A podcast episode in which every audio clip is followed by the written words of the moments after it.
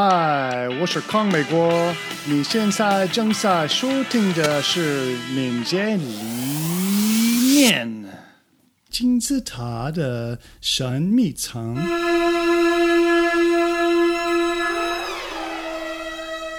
在网上，你就可以浏览到测试自动化金字塔的图像。你会看到宏观测试是在顶部，而微观测试在底部。但是位于两者的中间，却仍然隐藏着许多的神秘。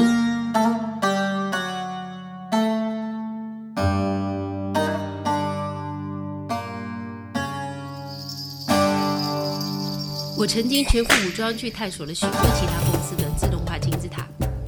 我了解到，有些人将他们的服务 API 测试放在这里，有些人将独立的数据库测试或其他一些测试超出了这个边界。如过程和网络，但是每个人都同意，他们可以在底层保持简单的成千上万的微观测试，但只有少数的 UI 和全站的测试在玻璃阁楼顶部。这中间秘密的空间，就是我们可以把尽可能多的不需用户界面的宏观测试放在这里。所以，这神秘的一层住着许多形形色色的皮下测试。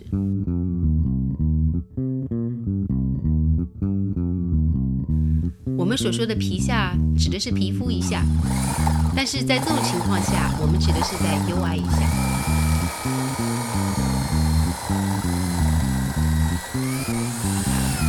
由于用户界面层次充满了频繁变换的外观和小部件，易不操作和缓慢化响应，毕竟它只需要像人体一样快速的皮下测试，避免了端到端测试中最昂贵的部分自动化。